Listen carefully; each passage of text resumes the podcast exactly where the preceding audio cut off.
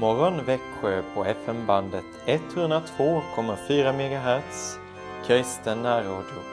Jag heter Joakim Brandt Erlandsson och är pastorsadjunkt i Helga Trefaldighets församling i Alvesta och Sankt Andreas Lutherska församling i Emmaboda.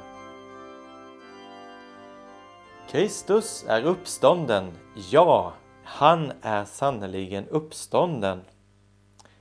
Det är det vi har varit samlade om igår på påskdagen och idag är det ett annan dag påsk.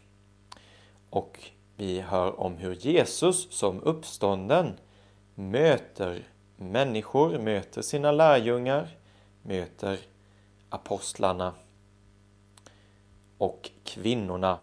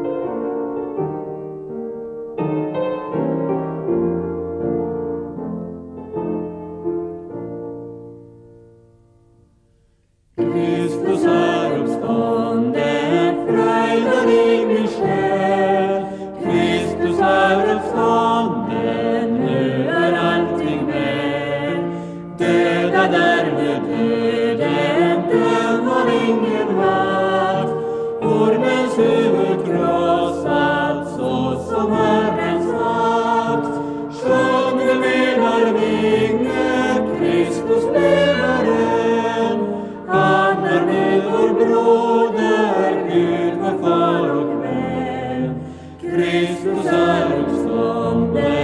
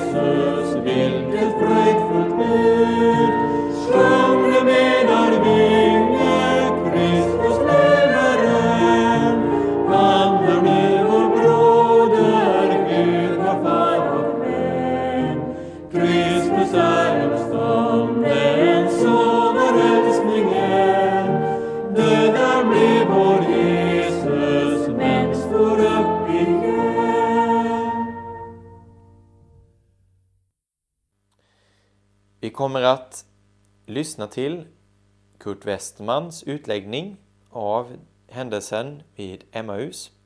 Och jag vill bara inleda med att läsa en betraktelse av Hans-Erik Nissen till inledning. Det står i Johannes 20 kapitel och 20 versen. Och lärjungarna blev glada när de såg Herren. En av den helige Andes frukter är glädje.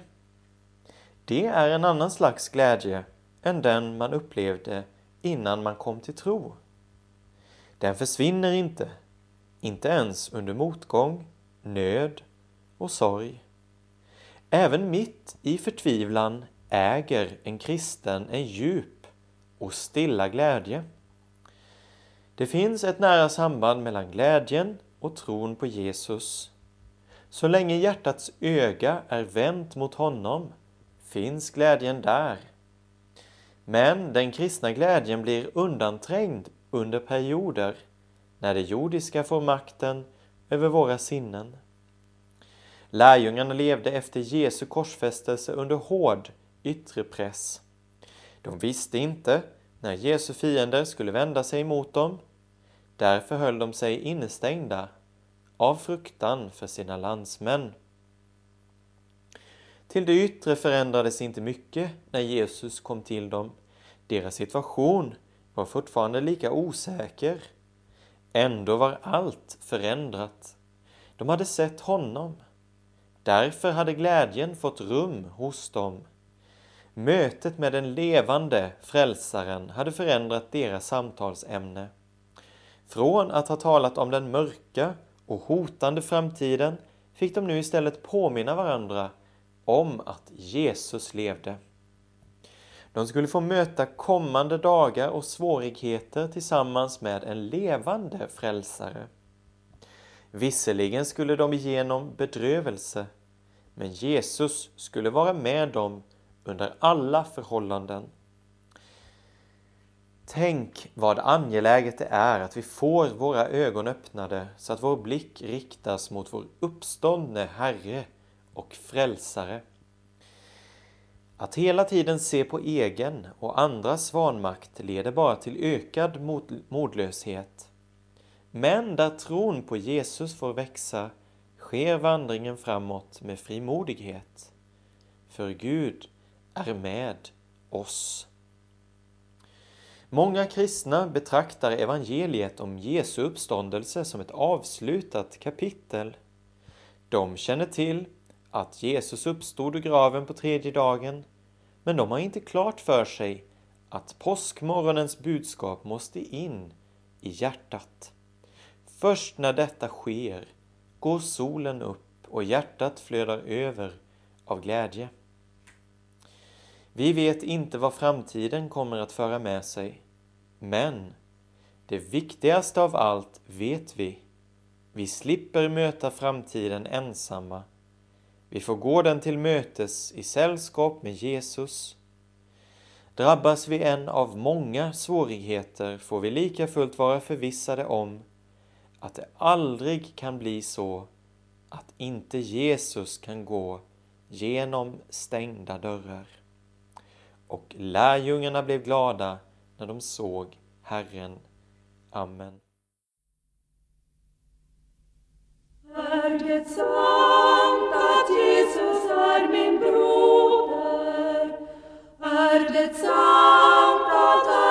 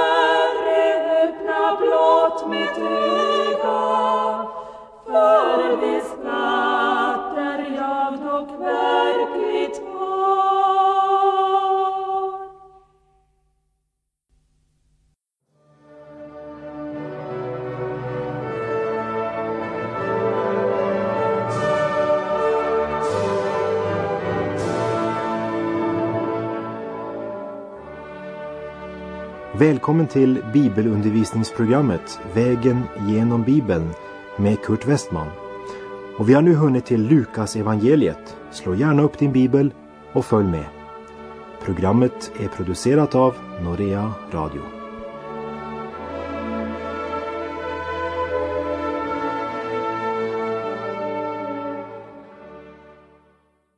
På vår vandring, vägen genom Bibeln, har vi nu kommit till en väg som heter Emmausvägen.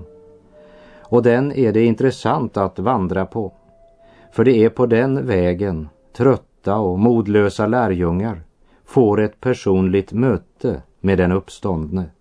Vi läser i Lukas 24 kapitel, verserna 13 till och med 16. Samma dag var två lärjungar på väg till en by som ligger en mil från Jerusalem och som hette Emmaus. De talade med varandra om allt det som hade hänt. Medan de gick där och samtalade och diskuterade kom Jesus själv och slog följe med dem. Men deras ögon var förblindade och de kände inte igen honom. Vi lägger märke till att det var händelsen ute vid Golgata som var samtalsämnet för de två. Men samtalet handlar om en död Jesus. För de talar om Jesus som var, inte som är, som vi ser av vers 19. Vi läser verserna 17 till och med 19. Jesus frågade, vad är det ni går här och talar om? De stannade och såg sorgsna ut och den ene som hette Kleopas svarade Du måste vara den ende som har varit i Jerusalem och inte vet vad som har hänt där under dessa dagar. Vad har hänt? frågade han. De svarade Detta med Jesus från Nasaret, han som var en profet, mäktig i ord och gärning inför Gud och hela folket. Kleopas som ställer denna fråga avslöjar en detalj som endast läkaren Lukas återger. Arrestationen, korsfästelsen och den påstådda uppståndelsen från de döda hade skakat Jerusalem. Och dessa två män kunde inte fatta att det fanns någon i området som inte hade hört talas om detta. Deras spontana reaktion visar vad som var tidens aktuella samtalsämne i Jerusalem och distrikten runt omkring. Och när Paulus håller sitt försvarstal inför kung Agrippa så säger han att Messias måste lida och att han som den förste som uppstod från de döda skulle förkunna ljuset både för vårt folk och för hedningarna. Kungen är väl insatt i dessa frågor. Därför kan jag också tala öppet och frimodigt till honom. För jag är säker på att inget av detta är obekant för honom. Det har ju inte tilldragit sig i någon avkrok, står det i Apostlagärningarna 26. Vi läser vidare i Lukas 24, verserna 20 och 21. Han blev utelämnad av våra överstepräster och rådsherrar och det fick honom dömd till döden och korsfäst, medan vi hoppades att han var den som skall befria Israel. Men till allt detta kommer att det är tredje dagen sedan detta hände. Dessa män säger att de hade hoppats att Jesus var profeten som skulle förlossa Israel. Men nu är det för sent. Han hade blivit korsfäst, han var död.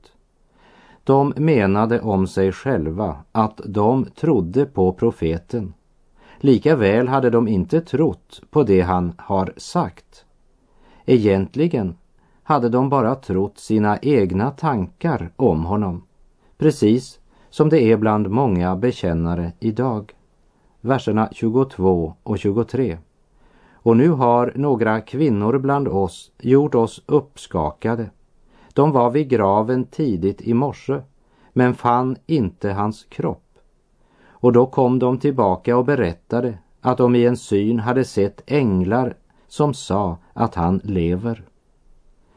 De trodde inte heller kvinnornas vittnesbörd. De trodde inte att graven var tom.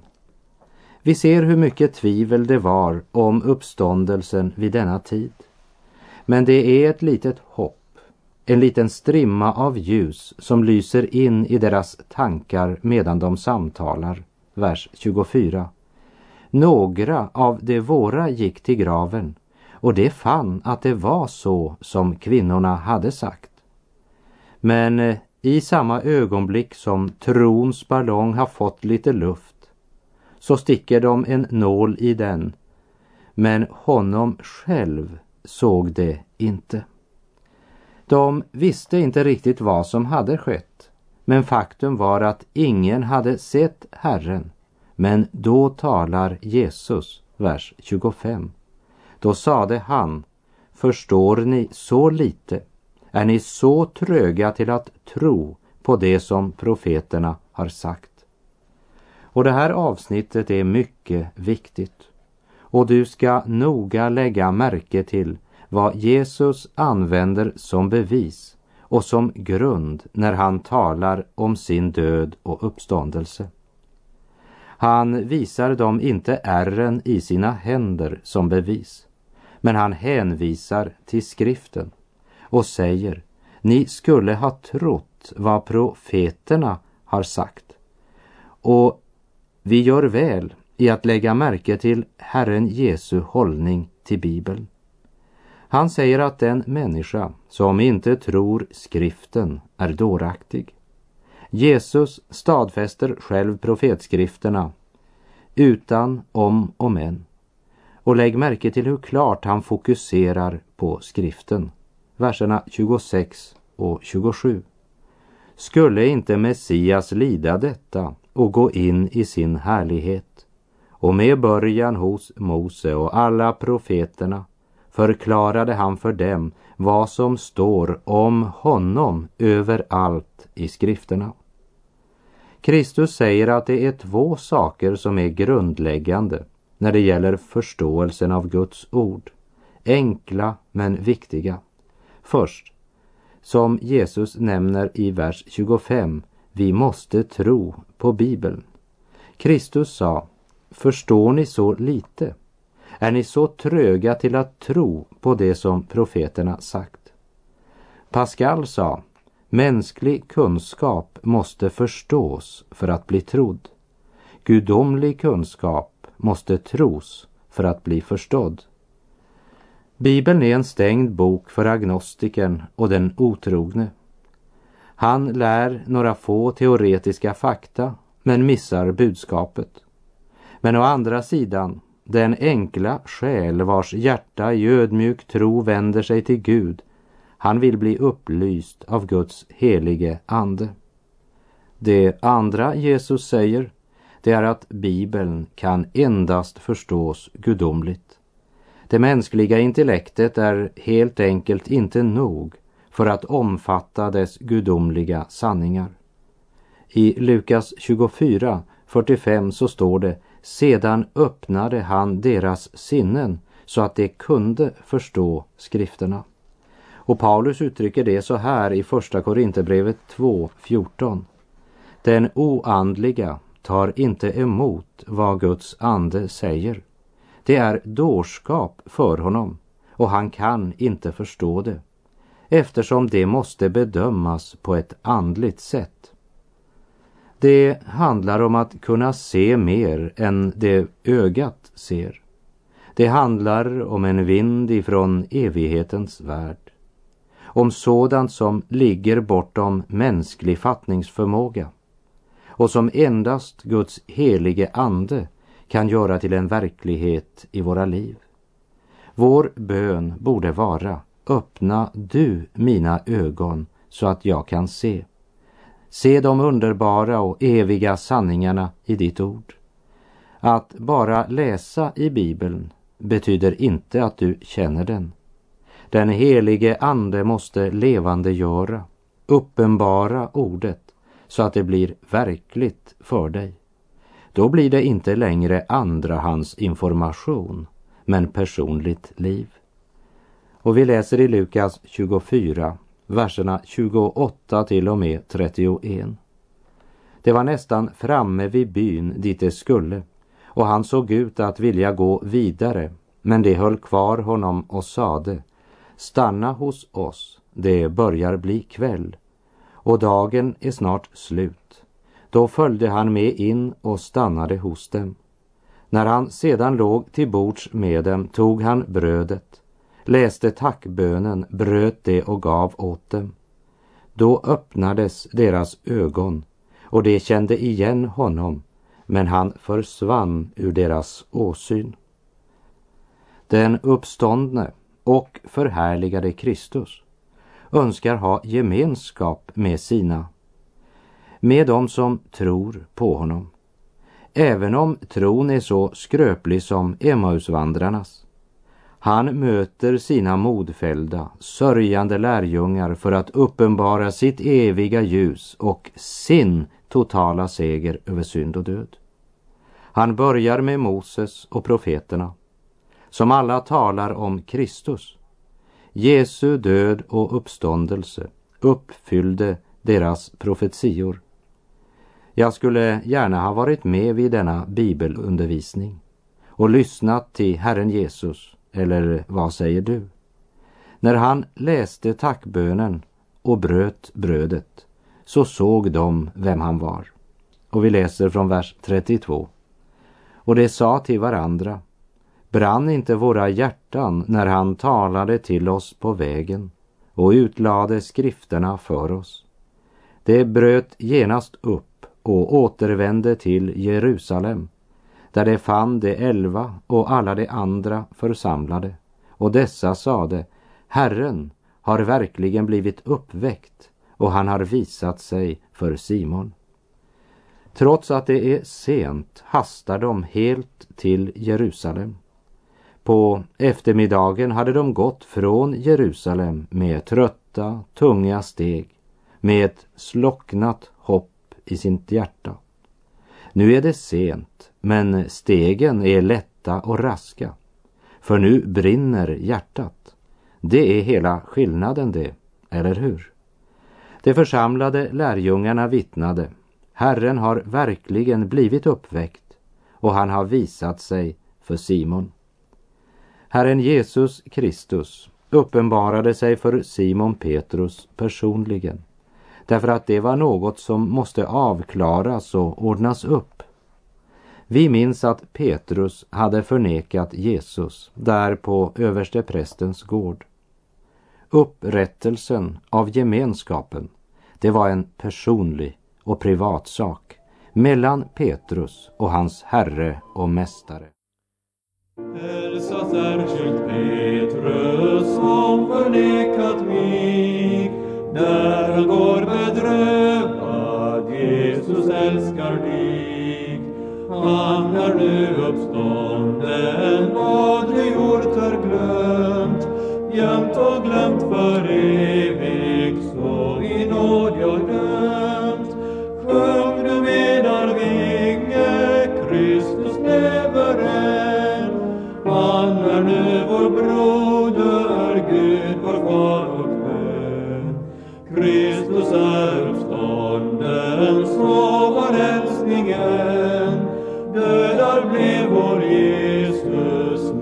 står upp igen. Skynda dig Maria, gå med hast och snart. Säg att jag har segrat, så blir Petrus glad. Tala om för honom att jag lever än. Se, jag är densamme, Hulde frälsaren.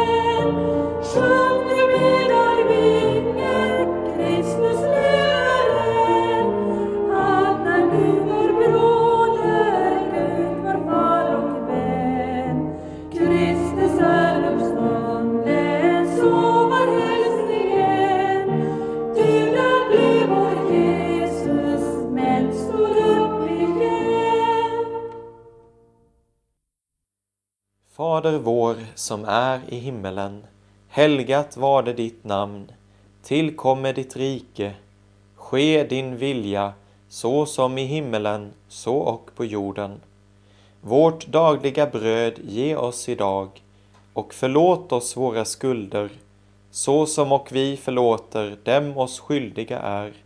Och inled oss inte i frestelse, utan fräls oss ifrån ondo.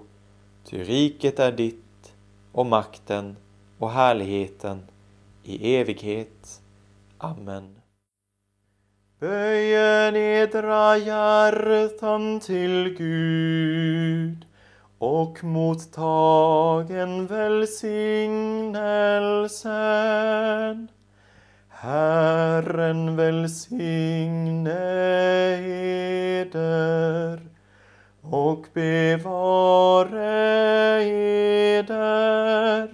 Herren låte sitt ansikte lysa över eder och vare eder nådig. Herren vände sitt ansikte till eder och eder frid.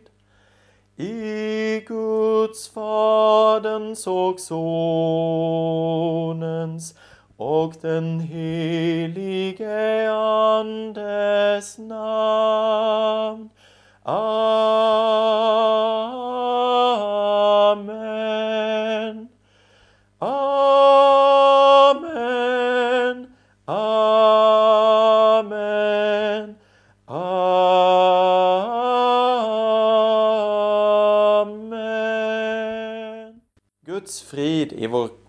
Uppståndne frälsares namn vare med er. Amen. Sedan kommer Jesus med så huld. Frid jag giver eder, borta är er skuld. Se på dessa såren som jag bär för er och i skolan leva, ty jag dör ej mer.